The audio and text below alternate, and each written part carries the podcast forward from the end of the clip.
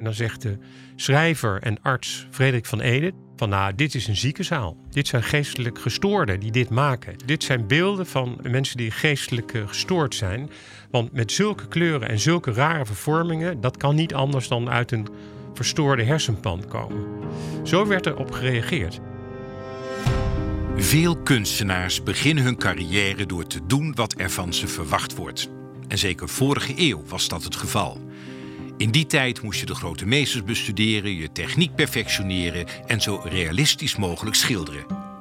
De maker van het topstuk van deze aflevering koos voor een andere weg. En het gevolg was dat hij voor gek werd verklaard en bijna alles kwijtraakte.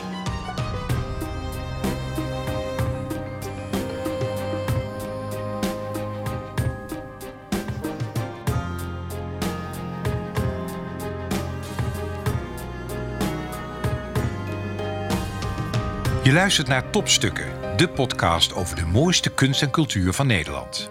Mijn naam is Albert Verlinde. In elke aflevering praat ik met een expert van een museum of een andere culturele instelling in Nederland en stel ik de vraag: wat is jouw persoonlijke topstuk?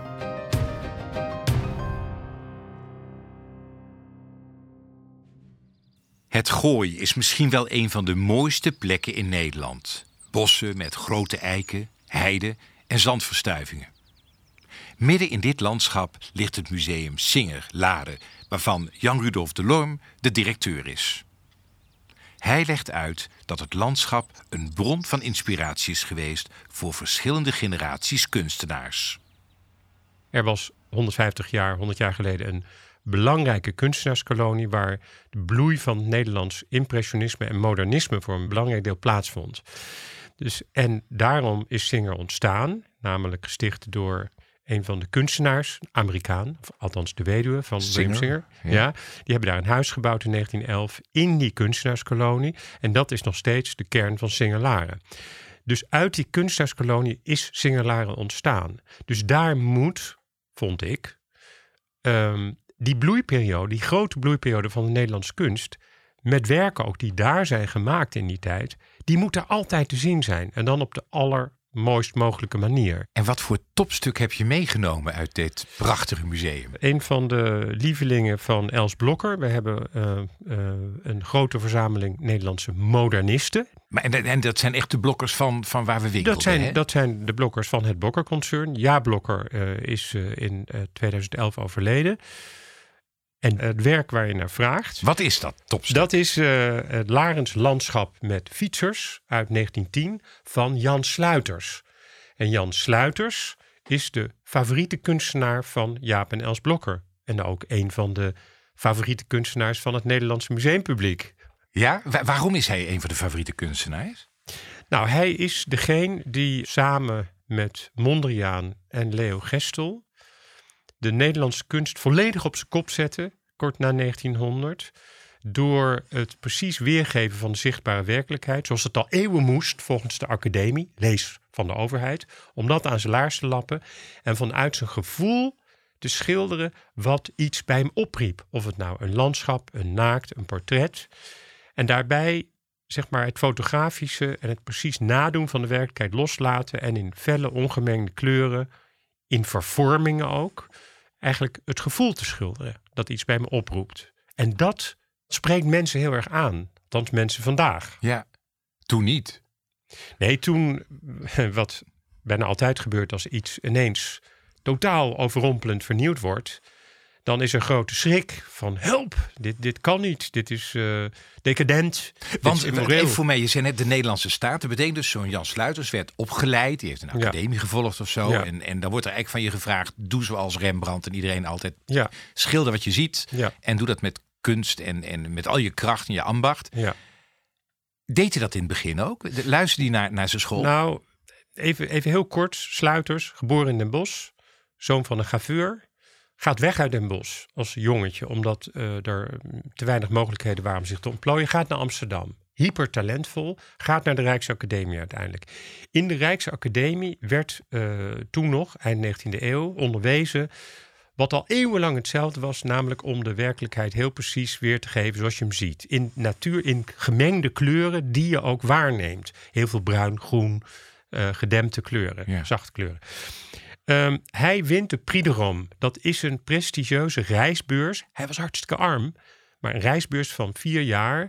Om vier jaar lang in Europa, in Madrid en eh, Rome en Florence. de oude meesters te kopiëren. Om zijn opleiding, zeg maar. Ja, de kroon op zijn opleiding te zetten. Maar eigenlijk om dat te gaan doen wat mensen al eeuwen deden Ja. en dat te gaan perfectioneren. Ja, om dat te gaan perfectioneren. Nou ja, en waar, waar is het Mekka dan? In, in, in Rome, waar al eeuwenlang Nederlandse kunstenaars naartoe gingen. Of naar het Prado in Madrid om Velasquez te, te, gaan, eh, te gaan naschilderen. En dan moest hij dus terug naar Nederland, naar de jury van die prijs. De, de, de, de bazen van de Rijksacademie.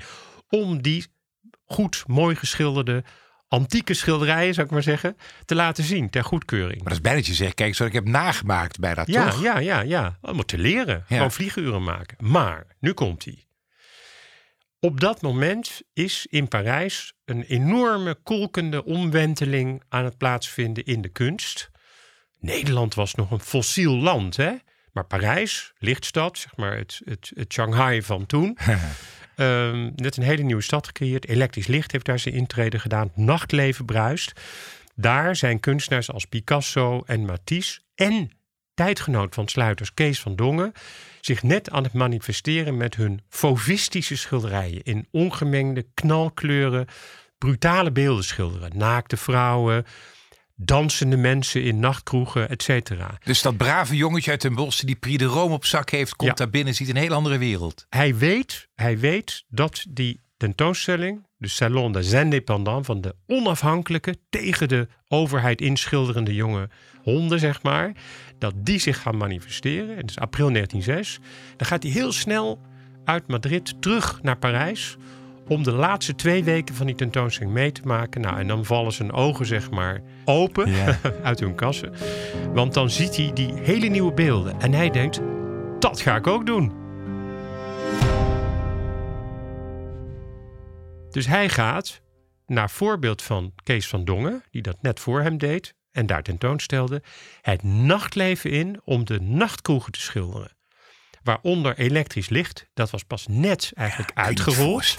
Dat gaf een heel nieuw leven. En het zal jou interesseren, Albert, want dat waren dus kleine theatertjes waar gedanst werd, gegoocheld werd.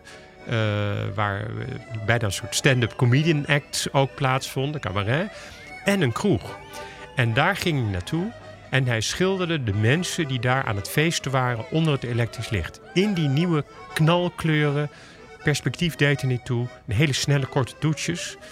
En daarmee ging hij terug naar Nederland. En dat liet hij zien aan, die, aan de jury van die Prix de Rome. En die oude bobo's die er zaten. Juist. Nou, één keer raden wat er gebeurde. Vreselijk. Die prijs werd hem direct per direct afgenomen. Serieus? En eh, zoek het maar uit. Dus hij was zijn prijs. Hij mocht niet meer. Hij kreeg geen toelage meer. En later schrijft hij van, nou, dat was een blessing. Want daarmee eh, ben ik eigenlijk als een soort, eh, nou ja, mijn, mijn eh, jonge hondengedrag werd daar heel erg, nou ja, Ja, gestimuleerd. Hij moest wel. En gestimuleerd, want hij vond wel, dat hij, hij was totaal van overtuigd dat dit de weg was voor de kunst eh, om te vervolgen. Namelijk om uit het gevoel te schilderen. En wanneer praten we dan? Wanneer was dit dat hij Dit zegt? was 1906 om precies te 1906. zijn. En het topstuk wat je mee hebt genomen, uit welk jaar is dat? Dat is uit 1910. Oh, dus dat is redelijk snel daarna. dat is redelijk snel daarna, want hij, hij komt terug uit Parijs. Dan eh, gaat hij door in die ingeslagen weg. En samen met Mondriaan en nog een paar anderen eh, gaat hij ook zijn werk tentoonstellen. Bijvoorbeeld in Stedelijk. In 1909 eh, stelt hij zijn werk tentoon in het Stedelijk. En dat eh, wordt hij de ultramoderne genoemd. Een hele nieuwe term. De ultramoderne. En dan stellen ze hun werk tentoon. En er is een zaal waar hun werk hangt. En dan zegt de schrijver en arts Frederik van Ede, die ook in Laren zat trouwens, van nou, dit, dit is een ziekenzaal. Dit zijn geest, geestelijk gestoorden die dit maken. Zo heftig werd er Dit, tegen ja, zo, dit, is, dit, is, dit zijn beelden van eh, eh, mensen die geestelijk eh, gestoord zijn. Want met zulke kleuren en zulke rare vervormingen, dat kan niet anders dan uit een verstoorde hersenpan komen. Zo werd er op gereageerd. Op dat moment wordt hij tijdens de opening van die tentoonstelling tot over zijn oren verliefd op een vrouw die hij daar ontmoet, Geet van Koten. Hij was net getrouwd met een andere vrouw, Oh. net een kindje, woonde in Amsterdam. Hij verlaat zijn jonge gezinnetje en neemt de benen met Geet van Koten en gaat via Hezen eerst, gaat hij in Laren wonen. op kamers in een villa die er nog steeds is. De Villa Vita Nova, het nieuwe leven. Hoe is het mogelijk? Mooi, ja. En uit die villa, daar zit hij twee jaar lang, schildert hij zijn mooiste vernieuwende schilderij. En uit die villa schildert hij dit Larens landschap met fietsers. Beschrijf het eens. Wat, wat zien we? Nou, het is zoals we uh, het noemen een vogelvluchtperspectief. Dus eigenlijk een beetje van boven gezien landschap. Dat gedomineerd wordt door een heel groot knalgeel veld. Met een lucht daarboven, een lichtblauwe lucht met rode streep erdoor. En door die lucht loopt een gele baan van links naar rechts. Met allemaal gele balletjes eromheen. Dan denk je nou, wat is dit nou? Het ziet er heel raar uit. En die balletjes die worden gesteund door twee uh, grote lange palen in paars en rood geschilderd. Dus echt onwaarschijnlijke kleuren. En dat zijn de elektriciteitspalen. Dus wat hij schildert is het nieuwe leven. Want we zien een geel landschap met palen van, uh, van een voetbalveld. Dus een voetbalveld eigenlijk. In 1910. Voetballen was nog maar net begonnen. En fietsen deze ook niet zo lang. En daarvoor uh, uh, zien we een weg, een weggetje met drie fietsers. Waaronder twee fietsende vrouwen. Fietsen leerde je nog op de fietsenacademie. Tegenover achter het Rijksmuseum, waar nu het Zuiderbad is, zat een. Datzelfde gebouw was gebouwd als een fietsenacademie. Ah. Daar leer je dus fietsen. En dan nog fietsende vrouwen. Vrouwen die zaten tot kort daarvoor nog thuis te breien en uh, vrouwendingen te doen, zou ik maar zeggen, wat toen vrouwendingen waren. Die gaan naar buiten, sportieve kleren aan, op de fiets, voetbalveld, elektriciteitsleidingen, want die balletjes, die gele balletjes, daarmee duidt hij een elektriciteitskabel aan. Maar het gaat ze allemaal over het nieuwe leven. Eigenlijk allemaal elementen die gloedje nieuw waren. Het is een prachtig schilderij. Ik vind het ook heel mooi dat aan de ene kant heeft het iets nostalgisch. Maar als ik beter kijk, is het, zou het ook gisteren geschilderd kunnen zijn. Dat is eigenlijk heel bijzonder. Hè? Dat maakt het ook modern. Waarom spreekt het jou zo aan?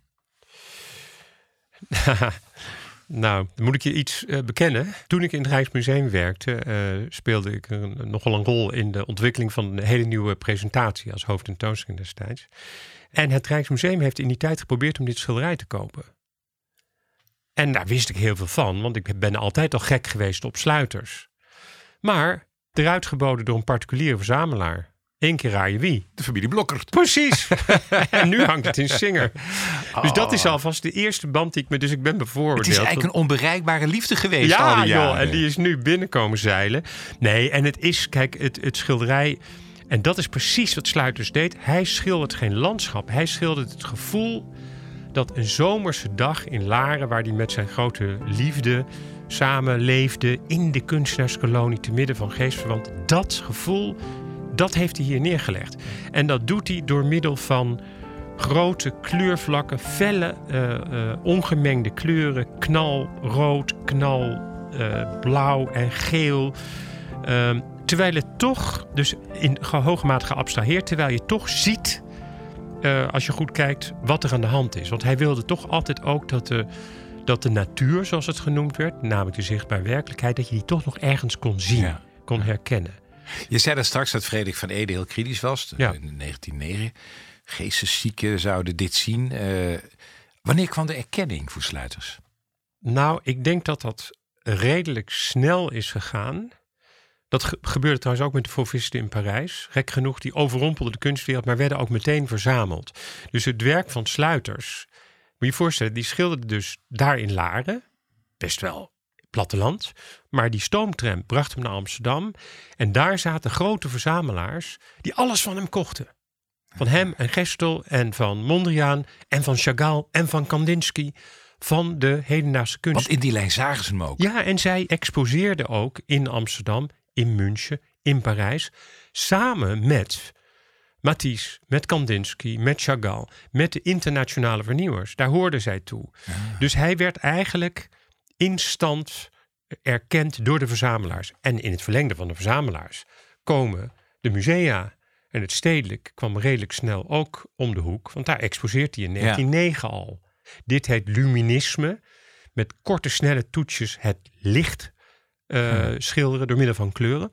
En later gaat hij met vormen experimenteren, cubisme. En uiteindelijk komt hij tot een soort gevestigde stijl die iets minder extreem is. En wordt hij de belangrijkste portretist van Nederland. Dus hij portretteert alle notabelen. Uh, mensen met geld. Hij vestigt zich in Amsterdam uiteindelijk, in Amsterdam Zuid. Toen al. Um, en hij wordt gewoon een gevestigde figuur. Hij wordt op een gegeven moment gaat hij zitten in de jury van de Miss Holland. En nou, het werd een soort BN'er eigenlijk ook als, uh, als schilder. Ja, zeker. Nog even een stapje terug in de tijd. Voordat Sluiters beroemd wordt en neerstrijkt in Amsterdam-Zuid... woonde hij in de kunstenaarskolonie, vlakbij Laren. Zoals Jan vertelde is daar dus het museum Singer Laren uit ontstaan. Maar hoe kwam die kolonie precies tot stand?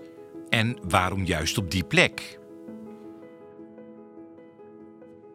Kunstenaars, zoals dat overal in Europa gebeurde, verlaten de stedelijke bastions waar ze een opgeleid en een klanten hebben, gaan naar de natuur om de mens in hun natuurlijke habitat te schilderen. In een periode dat de industrie en de verstedelijking opkwamen rukken. Die keerden zij de rug toe. Dus dat is eigenlijk, waren het zieners. Hè? We, we, we, plukken vandaag de wrange vruchten van de industrie. En zij zagen toen al wegwezen. Terug naar de natuur. Want de mens is de natuur. En dat voelden zij. En dat is dus een eerste generatie impressionisten, Mauve, Israëls, etc. In Laren hebben we het nu over. En dan komt er een tweede generatie, Sluiters, Mondriaan, Max Beckmann zelfs, Duitse expressionist. Dus moderne schilders. Dat is de, de modernisten. En allemaal in Laren? Allemaal in Laren, Blaricum, Huizen, de omgeving van Laren, van het Gooi. Een, zeg maar, een onbedorven omgeving die e-, eigenlijk vandaag de dag nog steeds... Er zijn wel dure villa's gebouwd, maar er is nog heel veel onbedorven natuur. En daarom gingen ze daar naartoe. Het schilderij is uit 1910 het moment dat hij de game changer is. Ja. En het leuke is dat wij dankzij de schenking van Els en Ja Blokker, dus van Els Blokker, een hele reeks van deze luministische landschappen hebben. Waar je die hele ontwikkeling, hij doet het eerst in Brabant, in Hezen en in Renkum, Amsterdam, Laren, zie je al die experimenten, hoe hij die landschappen heeft gevoeld. Ja. En dat deelt hij met ons via die schilderijen. Je luisterde naar Jan Rudolf de Lorm van het museum Singer Laren. En je hoorde Jan praten over de tijdgenoot van Sluiters, Kees van Dongen. Als je dat interessant vindt, raad ik je van harte de topstukken aflevering over deze kunstenaar aan. Zoek naar de aflevering met de titel De wilde beesten van Parijs. En dit was Topstukken, aangeboden door de Vriendenloterij, de cultuurloterij van Nederland.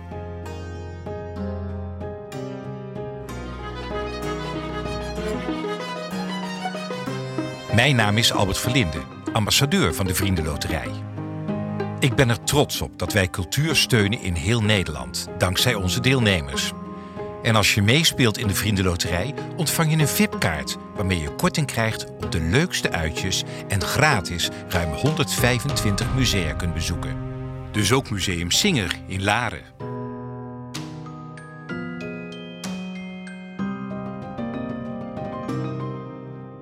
Benieuwd naar meer mooie verhalen? Abonneer je dan gratis op Topstukken in je favoriete podcast-app of ga naar topstukkendepodcast.nl.